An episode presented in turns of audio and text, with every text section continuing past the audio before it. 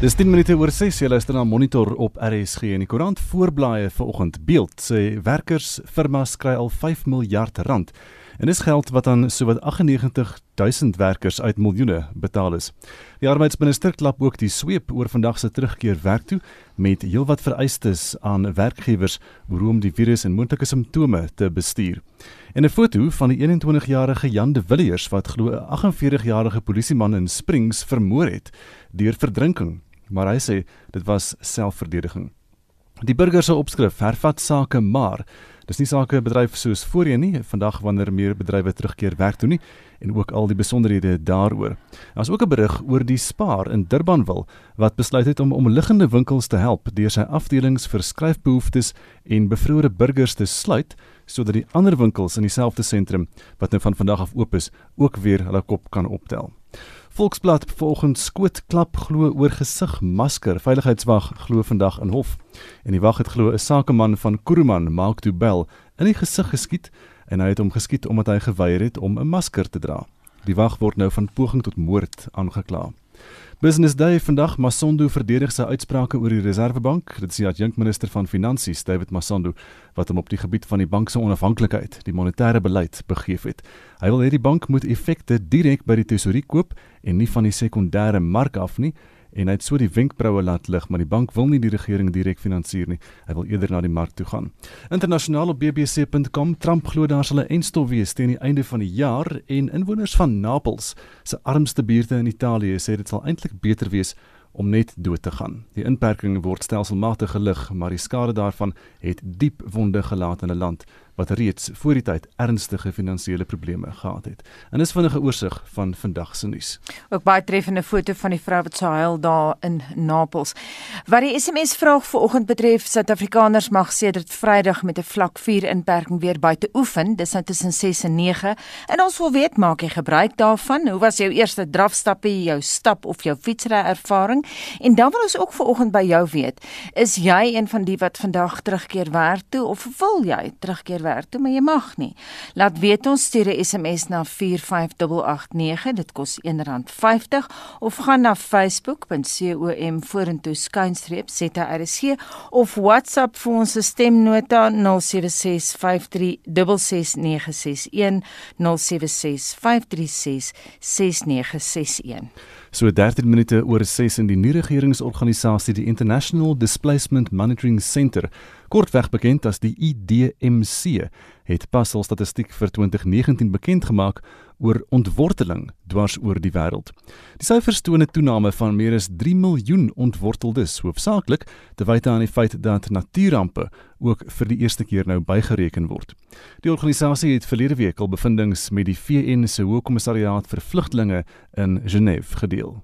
Babor Baluch, woordvoerder van die kommissariaat in Genève, sê dat die 50 miljoen ontwortelde mense veral vatbaar sal wees vir die aanslag van COVID-19. What we have seen is the effect or what we are warning about is the effect it could have on millions of displaced people who are mostly would be in overcrowded camps or shelters without access to clean water, soap, and other health and sanitation and hygiene facilities.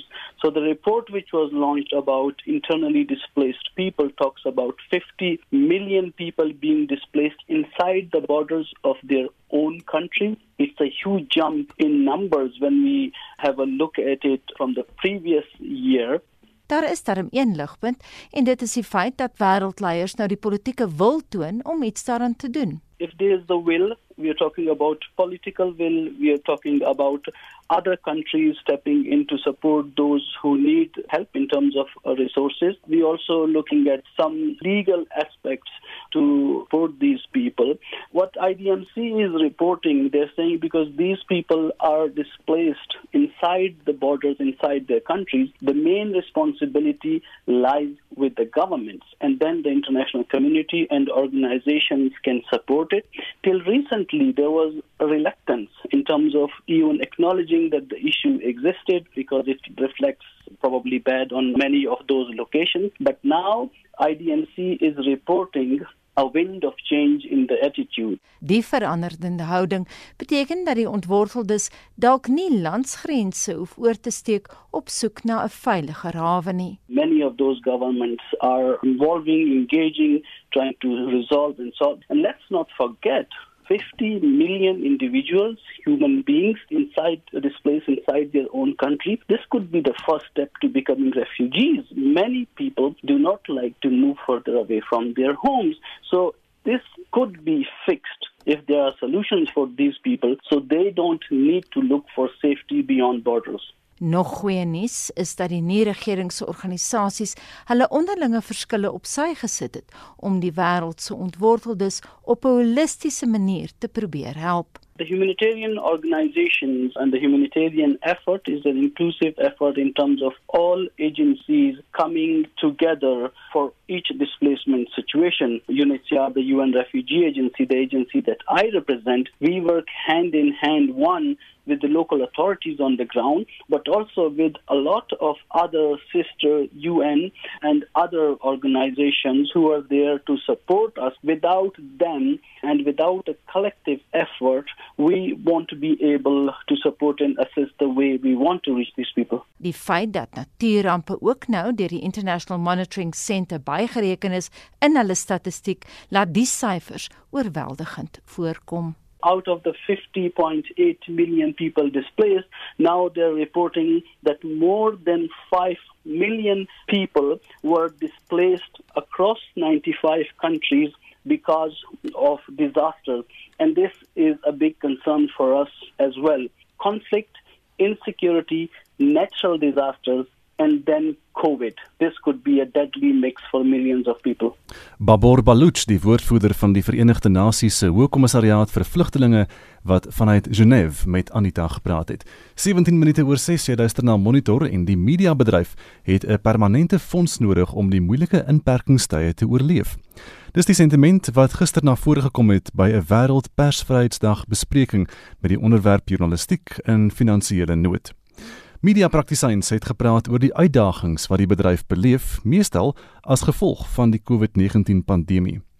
Dit het aan die lig gekom dat sommige in die bedryf reeds aan die gang gehou word met toelaas.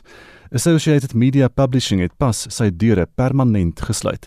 Die uitgewer is bekend vir tydskrifte soos Cosmopolitan, Women on Wheels en House and Leisure. Die Suid-Afrikaanse media sal oor die volgende paar maande 'n manier moet kry om kop bo water te hou.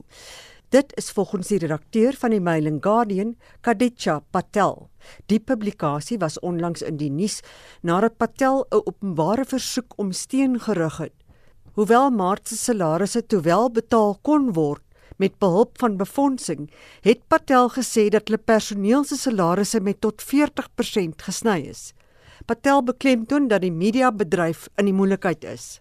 What we have to come together as an industry is to figure out how do we survive this moment? How do we ensure that we at least get to December 2020 with our newsrooms intact, with our newsrooms still able to tell the story of South Africa and the world at this time? And the truth is that whether it's my newsroom or yours, we are in danger of not being able to do that. Die Vereniging van Onafhanklike Uitgewers sê die COVID-19 pandemie het hulle die finale nekslag toegedien. Die direkteur, Carol Mhlala, gee toe dat die uitgewers reeds voor die pandemie gesukkel het en dat hulle nou personeel moet verminder of hulle deure moet sluit. Mhlala sê die fondse wat hulle gekry het is te min. Sustainability was already an issue. And then when this then happened, um, it was like a final blow. And most of them have been forced to reduce their staff to be one man operations. Others have been forced to literally close down, while others um, have received some sort of relief, but it's not enough to see them through even to the coming to the end of this month. Die voorsitter van die Suidelike Afrika Redakteursforum, Willem Ponda, bepleit 'n permanente fonds om sukkelende mediahuise en praktisyns aan die lewe te hou. Like lawyers for example, they have their own fund where they can go and borrow money so that there's no interference from outside forces or, or the government. So those we, we, we stand uh, a chance of being uh, influenced by the government. Yes, the governments must assist, the, especially this time around when, when we are facing uh, challenges with advertisers. Uh, there are no adverts coming through, it's a fact.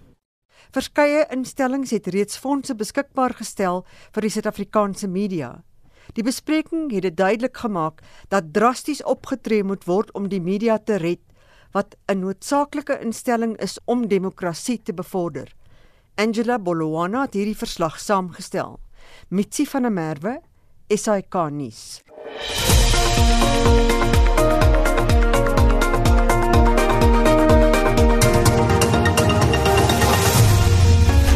Dis 25 minute oor 6 en klein sakeondernemings op plattelandse dorpe in KwaZulu-Natal trek swaar onder die inperkingsregulasies.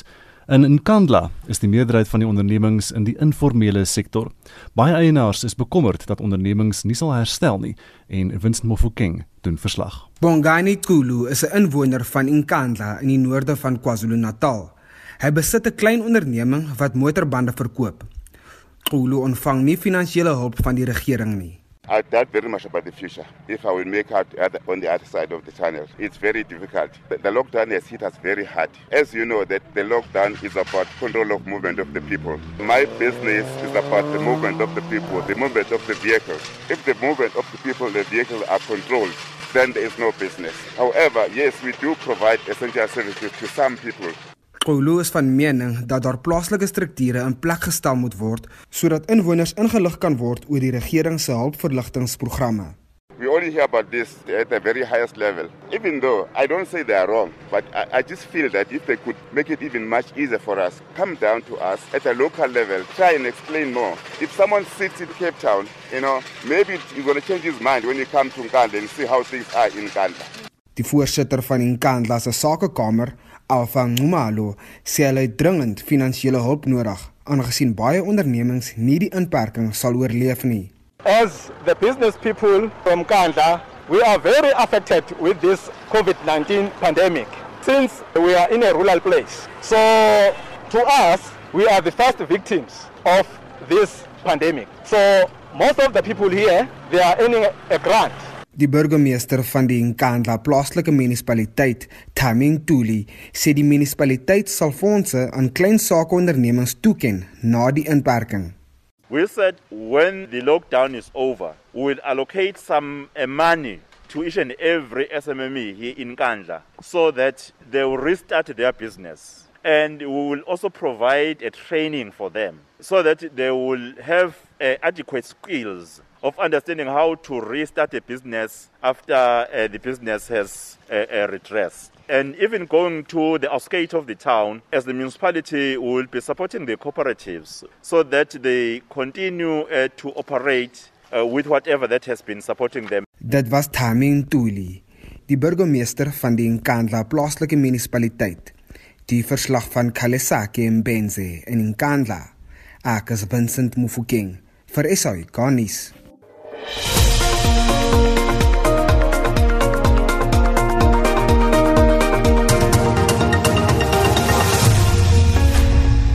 Marlenae minister Ellen Wendy in die Wes-Kaap sê die son kom te laat daarop vir net oefen tussen 6 en 9. Wat sê ons luisteraars? Gaan hulle tussen daai tye wel oefen en stap met hulle honde en so? Hier is 'n hele paar van hulle Anita wat ook kla dat dit 'n bietjie te donker is om te gaan oefen selfs in Johannesburg. Maar kom ons hoor 'n bietjie hulle ons kan nou weer tussen 6 en 9 oefen. Ons wil weet, gaan jy dit nog doen? Geniet jy dit? En ook is jy van die wat vandag wil werk toe gaan maar jy mag nie. En gaan nie vandag vir die eerste keer werk toe. Kom ons gesels saam. Ons eerste SMS luisteraar wat 'n SMS gestuur het sê ek hoef regtig nie buite rondhol nie. Ek kry genoeg oefening met tuinwerk grasny huiswerk ensovoorts. En dan verhoog die stommiteite van die regering so gereeld my hart klop dat dit net so goed is soos gereelde gym sessies. Dan is julle mening.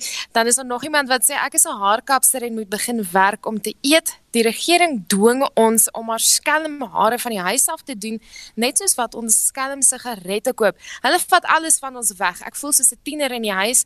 Die tieners kan skool toe gaan, maar die ouers moet by die huis bly. Ek vat eerder 'n kans en kry die virus as wat ek doodgaan van die honger. Dan is daar nog iemand wat vra, "Hoekom moet ons net tussen 6 en 9 oefen en nie van son op tot son onder nie? Dit werk tog dieselfde wat sosiale distansiering betref." Op Facebook sê Elsa Joubert oor die oefening, "Nee, wat? Ek sal graag in my eie tyd wil oefen. Dis winter, die son kom eers na 6 op en dis te koud. Ek sal graag later in my eie tyd gaan stap." Nog iemand wat laat weet sal net burn. Ons het gister gaan stap, maar dit was git swart donker en dit is eintlik baie gevaarlik. Daar's mense met maskers, mense kan aangeval word en jy nie jou aanvaller uitken as hulle maskers dra in daai donkerte nie. Weet nie hoekom corona net tussen 6 en 9 nie aansteeklik is nie. Kan mens nie net met corona praat om 'n bietjie af te lê en in te lê en 'n ander tyd geleef te kry nie.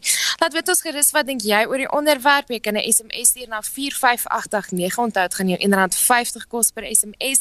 Jy kan saamgesels op facebook.com vorentoe skynstreep ZARSG en net so voor 7 uur luister ons na jou ehm um, stemnotas op WhatsApp. Jy kan dit stuur na 0765366996.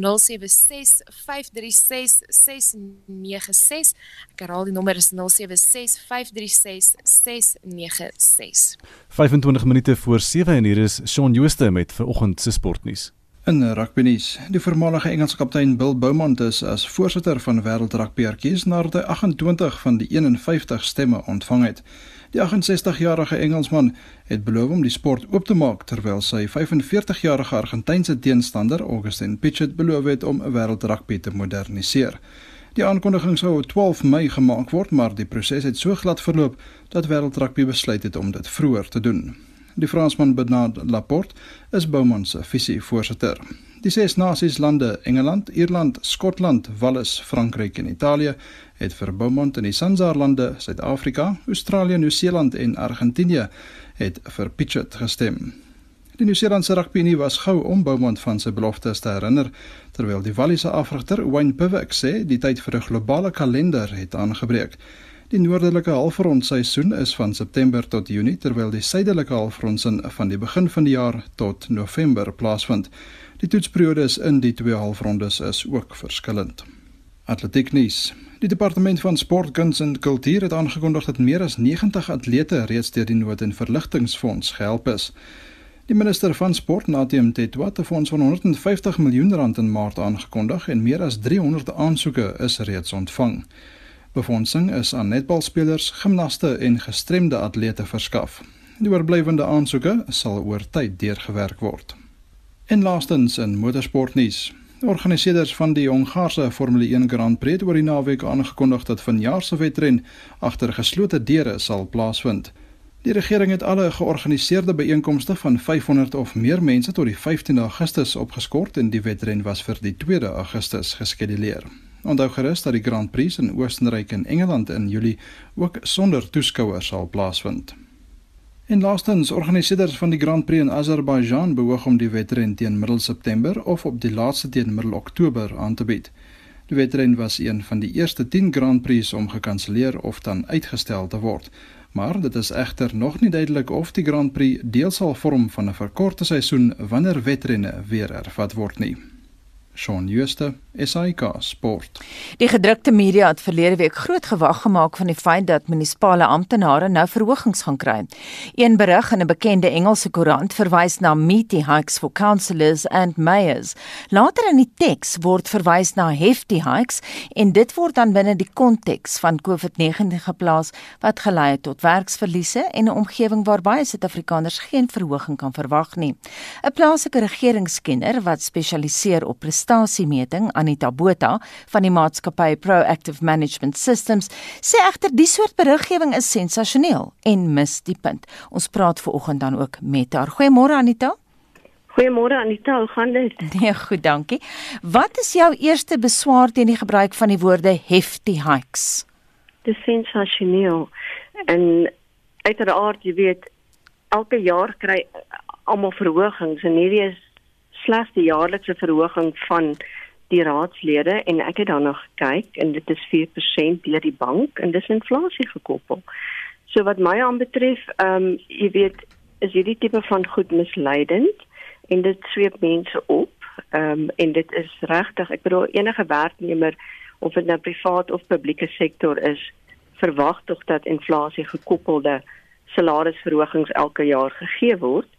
En uh, ek moet vir jou eerlik sê dat sommige van die voltydse raadslede wat veral dan nou verhogings kry in in munisipaliteite wat ek van kennis dra werk actually baie hard.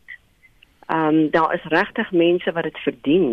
Jy weet ek dink byvoorbeeld aan stadsrade soos hier in Gauteng met Val wat nou hulle 6ste skoon uh, audit gekry het hierdie jaar. Ek dink aan Drakenstein, Swartland in in Weskaap en so voort. Ehm um, dit is mense wat dit verdien. Mm. In sy laaste COVID-19 toespraak oor die afgradering na vlak 4 van die Grendelstaat, het Cyril Ramaphosa gesê 20 miljard rand word op sy gesit vir munisipaliteite. Jou reaksie daarop? Ja, dit is fondse wat beskikbaar vir gestel word vir hulle, maar ek dink wat mense moet verstaan is dat ehm um, hierdie geld is nie dadelik aan hulle beskikbaar nie. Hier's 'n hele proses wat gevolg word. Kom ek verduidelik dit gou vir jou. In die eerste instansie moet nasionale tesorie 'n gewysigde begroting doen. Dan moet dit deur die parlement goedgekeur word. Daarna doen die departement van samewerkende regering doen hulle 'n gewysigde begroting. Hulle sal kyk na sekere kriteria wat hulle gaan toepas ten opsigte verspreiding van die geld. Um daai tipe kriteria sal 10 teen 1 swaar weeg in terme van die verspreiding van die geld vir meer kwesbare munisipaliteite wat waarskynlik reeds in in finansiële moeilikheid is. En wanneer Kokta dan hierdie begroting goedgekeur het, dan word die geld eers aan munisipaliteite um, beskikbaar gestel. So na my skatting behoort munisipaliteite dit eers so in Augustus rond ehm um, jy weet regtig die geld te kan kry. En ek glo daar sal seker die gewysigde begrotings en die verdeling van fondse sal sekerlik in die staatskoerant gepubliseer word. President Ramaphosa het nou al meer as een keer beloof om korrupsie in munisipaliteite stop te sit. Sal die fondse reg aangewend word en kan dit gemoniteer word? Jy weet ja, daar's daar's eintlik groot kommer. Ehm um, jy weet die munisipaliteite is 'n onafhanklike sweer van regering en ek ek ek het waardering vir die kommer wat die president uitspreek en ek ek glo sy intensie is absoluut perfek reg. Maar omdat hulle onafhanklike sweer is, is daar nie noodwendig altyd hierdie tipe van van beheer oor wat hulle aanvang nie. So daar is groot kommer by die nasionale regering, uh veral die ouditeur-generaal dat die COVID-fondse verkeerd aangewend kan word. Jy weet ons kom in 'n tyd waar daar reeds wyd verspreide korrupsie is en as jy gaan kyk na hoe die regulasies nou lyk ten opsigte van COVID, is daar basies nie streng toepassing in hierdie tyd van die voorsieningskanaal bestuurpraktyke nie. So daar is 'n geleentheid vir verantwoordbaarheid om om seil te word. En um, dan praat ons in elk geval nog van salarisverhogings vir raadslede. Ek kan jou nou sê dat die vakbonde gaan ook nog kom met eise vir salarisverhogings. En dis is die parlementêre komitee is is redelik bekommerd dat die COVID geld byvoorbeeld vir salarisse aangewend kan word want soos dit is, het ons genoegsame voorbeelde waar munisipaliteite in die verlede nasionale fondse wat geoormerk was vir diensleweringbydraes vir die armes wel vir salarisse gebruik het. Nou as ek kan aangaan met die monitering, die OG, ehm um, auditeur-generaal uh, eh, Kibi Makwetu het wel gesê dat die OG het gaan uh, gegaan en en spanne van verskeie kundiges uh, gereed gekry en hulle kan baie vinnig ontplooi word om seker te maak dat die geld word nie gesteel nie. Nou hoe so 'n tipe ontplooiing gebeur sal natuurlik deur die nasionale beheerraad van die regering uh, besluit moet word. Maar dit is moontlik om om wel daarna om te sien, jy weet, om dit wel te moniteer. Kom ons gaan terug na die bedrog by munisipaliteite. President Ramaphosa het baie spesifiek en meer as een keer al, maar ek praat nou eh, spesifiek van die laaste COVID-19 toespraak, het hy verwys aan die bedrog in terme van die uitdeel van kospakkies. Hoe kan dit beter beheer word? Dit is 'n moeilike een. Jy weet korrupsie het eintlik sinoniem geword met ehm um, munisipaliteite. En uh, daar's 'n kultuur van korrupsie in baie munisipaliteite en mense verander nie 'n kultuur onmiddellik nie. So en en net om agtergrond te skets, jy weet jy sit met 'n situasie waar die departement van sosiale ontwikkeling maak staat op die raadslede om te identifiseer waarheen hierdie kospakkies moet gaan. En wat hulle dan doen is die raadslede, daar is ek het verskeie ehm um, situasies opgemerk in die media waar die raadslede selektief is met die kospakkies. Ehm um, laat dit na hulle ondersteuners gaan of na familie of steel dit, verkoop dit. soek donasies van van besighede wat nie kospak wel wegvind na kospakkies en so voort nie. Ehm um, die, die tragiek hiervan is dat die regerende party het hierdie tendens eintlik geskep of bygedra daardeur uh, daartoe want met die uitgee van kospakkies en T-hemde en al daai tipe van goed um, ten opsigte van vorige verkiesings, jy weet, so en dan is daar 'n 'n wegkom met korrupsie tipe kultuur. Nou hierdie amptenare is veronderstel om dienende en amptenare en dienende leiers te wees, maar ons die enigste manier hoe mens ooit hierdie kultuur van korrupsie gaan uitroei uit munisipaliteite uit is om die hele kultuur van toeëning. Jy weet dit is 'n dis eintlik 'n afwesigheid van integriteit en die politieke gewin wat wat aan hierdie tipe goed gekoppel word. Um uit te roei want in die, uh, as jy as jy daarna kyk dan eintlik ontspoor dit uh, demokrasie want 'n vrye stem is eintlik nie meer 'n vrye stem nie. So ek het nie vir jou 'n antwoord om vir jou te sê hoe gaan ons hierdie kultuur uitroei nie. Ehm um, dit is dit is so ingewortel al. Jy weet munisipaliteite waar ek werk doen. Dis dis soms vir my so sigbaar. Jy ek kan sit om 'n tafel en dan dan sit ek so en luister dan dan weet ek hier is nou iets korrups aan die gang. Mm. Ehm um, jy, jy weet so dit is dit dit dit kan dit gaan jare neem om hierdie tipe kultuur uitgewis te kry. En ook 'n probleem met die kwaliteit van mense wat aangestel word. Dit is so, jy sien die aanstellings van amptenare is veronderstel om op meriete gebaseer te wees. En die aanstellings van raadslede moet ten minste gebaseer wees op wat hulle werklik kan bydra. Die ek ek kry baie keer die indruk dat die aanstelling van raadslede is soos om warm liggame in 'n politieke speelveld te sit. Jy weet, want dit is dit is eintlik wat hulle doen. So al is die president se intensies goed. Ehm um, jy weet moet die kwaliteit van mense wat aangestel word ehm um, berus by die wil van goeie regering by munisipaliteite self. En die prestasiemeting en bestuur wat hulle op hierdie oomblik toepas, word nie behoorlik toegepas ten opsigte van raadslede ten minste nie. Ek weet nie of daar 'n behoorlike prestasiebestuurstelsel is vir raadslede nie. En ten opsigte van amptenare is dit eintlik al amper net op papier, jy weet, en dan moet jy ook gaan kyk na al sê die president dit in 'n munisipaliteit is daar interne prosesse wat gevolg moet word om van dooie hout ontslae te raak. Het sy dit te veel werknemers is of het sy dit werknemers is wat nie geskik is vir hulle poste nie. En jy weet ek ek kyk na die munisipaliteite wat waar ten minste waar ek betrokke is.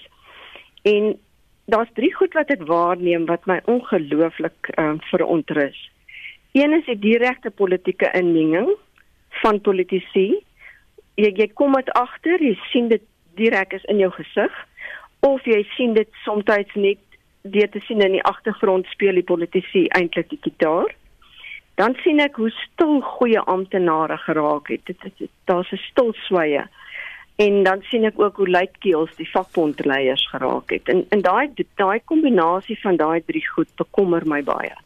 Baie dankie en daai kommer is uitgespreek deur 'n plaaslike regeringskenner wat spesialiseer op prestasiemeting aan die Tabota van die maatskappy Proactive Management Systems.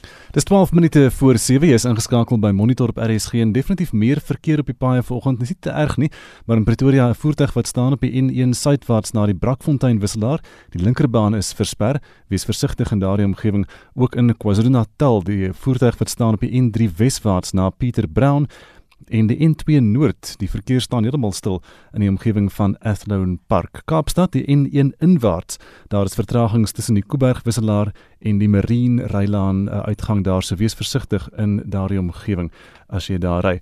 Nou duisende werkers keer vandag terug werk toe na meer as 5 weke van algehele inperking.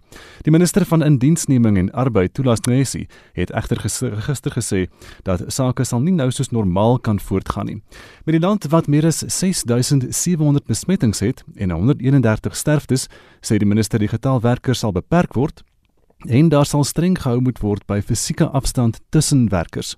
Nou sien amptenare van die departement het die maatreëls uitgestipel op 'n nuuskonferensie en ook inligting gegee oor die vordering met die uitbetalings deur die werkloosheidsversekeringsfonds. Nessie nou sê inspekteurs van die departement sal ongeskeduleerde besoeke by werkplekke aflê om te verseker dat die veiligheid en gesondheidsmaatreëls toegepas word. Gereelde siftingstoetse is ook 'n vereiste. Werkgewers is ook verplig om werkers van die nodige beskermingsdrag te voorsien, soos twee lapmaskers en handsanitasiemiddel wat ten minste 70% alkohol bevat.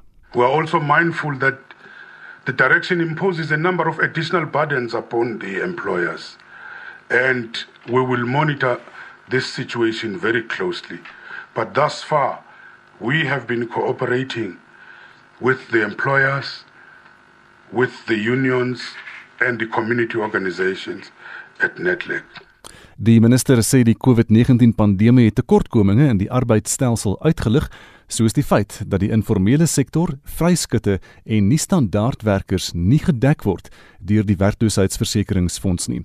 Die fonds moes gewysig word en sowat 13,8 miljard rand se beleggings is losgemaak om die likwiditeit van die fonds te verseker. Die fonds se hoofdirekteur advokaat Mzwanele Yawa sê hoewel daar aanvanklik vertragings was, vorder uitbetalings goed. The call center is struggling indeed because for once you've got a call center which is responding to all South Africans. Other call centers, Celsi will deal with Celsi customers, Vodacom, Vodacom customers, Telcom, Telcom customers, and so on and so forth. There is no mini segmentation because there's one UIF and there's one COVID 19 that is responded to this way, and therefore it does flood. The minister and the DG keep increasing the numbers of the various bodies that do help us, but we realize that we may not be equal to the task. The labor centers and the numbers are out now, even the labor centers where people can inquire there. We also encourage people to inquire in their employers. Nou die werknemersvergoedingsfonds het ook 'n krisisbestuurskomitee saamgestel vir werkers wat COVID-19 by die werk opdoen. Die departement sê hoewel daar min eise ontvang is, verwag hy dat dit sal verander sodra meer mense terugkeer werk toe. Nou ons bly by die ekonomie en praat nou met die tussentydse hoof van Wits Universiteit se Sakeskool professor Janie Resou. Janie, goeiemôre. Goeiemôre Gustaf en goeiemôre aan die luisteraars. Jy het nou na ons vorige bydrae geluister. Wie mag vandag begin werk en watter tipe sakeondernemings kan weer hulle deure open soos jy dit nou verstaan? Soos ek dit verstaan is daar beperkings op sakeondernemings wat hulle deure kan open. So byvoorbeeld kan winkels wat warm kos verkoop, verkoop op voorwaarde dat dit afgelewer word, dit mag nie by die winkel gehaal word nie uh byvoorbeeld kan klerewinkels klere begin verkoop maar spesifiek winterklere. So in kort Gustaf is hier 'n reeks regulasies uitgevaardig wat werklik onsinnig is en dit vir mense baie moeilik maak om te verstaan presies wat hulle mag doen. Ek sal byvoorbeeld graag wil weet wie se winterklere inspekteer wat 'n reël gaan skryf oor wat is winterklere en wat is somerklere. Ek dit dit maak regtig net nie sin nie. So die regering is besig om die ekonomie met totale oorregulasie aan bande te lê. So ja, verskeie winkels kan oopmaak, maar dit sal vir winkeleienaars wees om regulasies baie noukeurig te bestudeer om seker te maak dat hulle binne die perke van hierdie regulasies bly. Is hierdie na jou mening is dit soos 'n stap in die regte rigting ten minste of sou jy meer mense toelaat om werk toe te gaan? Ek sou definitief meer mense wou sien om te gaan werk. Dit is noodsaaklik dat mense moet werk om vir hulle self te kan sorg. Ek kan 'n ander voorbeeld gebruik. Die regering het skielik besluit om 'n regulasie uit te vaardig dat net regeringsorganisasies voedselnoodhulp hmm. aan noodlydendes mag gee. Nou dit is absoluut ek weet nie of ek dit onsinnig of kranksinnig moet noem nie. Ek dink nog oor die regte woord. As byvoorbeeld kerklike organisasies wat die laaste 20 en 30 jaar voedingshulpskemas het wat vandag moet stop daarmee weens kom ons nou met 'n onsinnige regulasie dat net die regering voedselhulp mag gee. So ja, soos ek gesê het, meer mense kan werk toe gaan, maar dit sal vir werkgewers nodig wees om die regulasies baie noukeurig te bestudeer om seker te maak dat hulle binne die raamwerk daarvan bly. Terselfdertyd sal kerklike en ander nie-regeringsorganisasies dringend in gesprek met die regering moet tree oor die oormatige regulering, byvoorbeeld rondom voedselhulp. Ja, dit verwys vinnig daarna, maar wat is jou jou opinie oor die algemeen as jy nou kyk van toe die Grendeltydperk begin het tot nou toe en soos ons nou aangaan daardeur? Ehm um, die, die manier hoe dit toegepas word hier in Suid-Afrika deur die president maar ook deur sy ministers en die departemente. Wat is jou opinie oor die algemeen? Wel, eh uh, Gustav, daar's geen twyfel dat Suid-Afrikaanse regering aanvanklik gesteun het gedurende die Grendeltydperk. Nie die geheim van sukses in 'n Grendeltydperk is natuurlik algemene steun van die publiek. Die regering het eenvoudig net nie genoeg polisie en weermag mense om almal toe te sluit nie. Ek dink egter ons is nou op die punt waar die publiek keelvol is vir oorregulering deur die regering. Nie verstaan wat die regering daardeur bereik nie en natuurlik ook baie ontstel is oor beloftes wat gemaak word en dan daarna verbreek word. Dis die belofte deur meneer Ramaphosa dat sigarette en tabak weer verkoop sal word vanaf die 1 Mei wat op die eind deur 'n eh, dokter Nkosazana Dlamini Zuma omgekeer is dit is nie die wyse waarop regering steun van sy burgers kry nie. Wat kos hierdie tydperk die Suid-Afrikaanse ekonomie as jy nou 'n skatting kan maak? Miljarde rande in kort. Ons weet reeds dat die verbod op alkohol en tabak die regering net in belastinginkomste meer as 'n miljard rand per maand kos. Dit is 'n regering wat by 'n fiskale afgrond staan en alle moontlike inkomste nodig het maar die se eie optrede sy belastinginkomste aan bande lê. So net die een berekening wat gemaak is op die verlies aan belastinginkomste op tabak, sigarette daarbey natuurlik en drank kos die regering meer as 'n miljard rand per maand.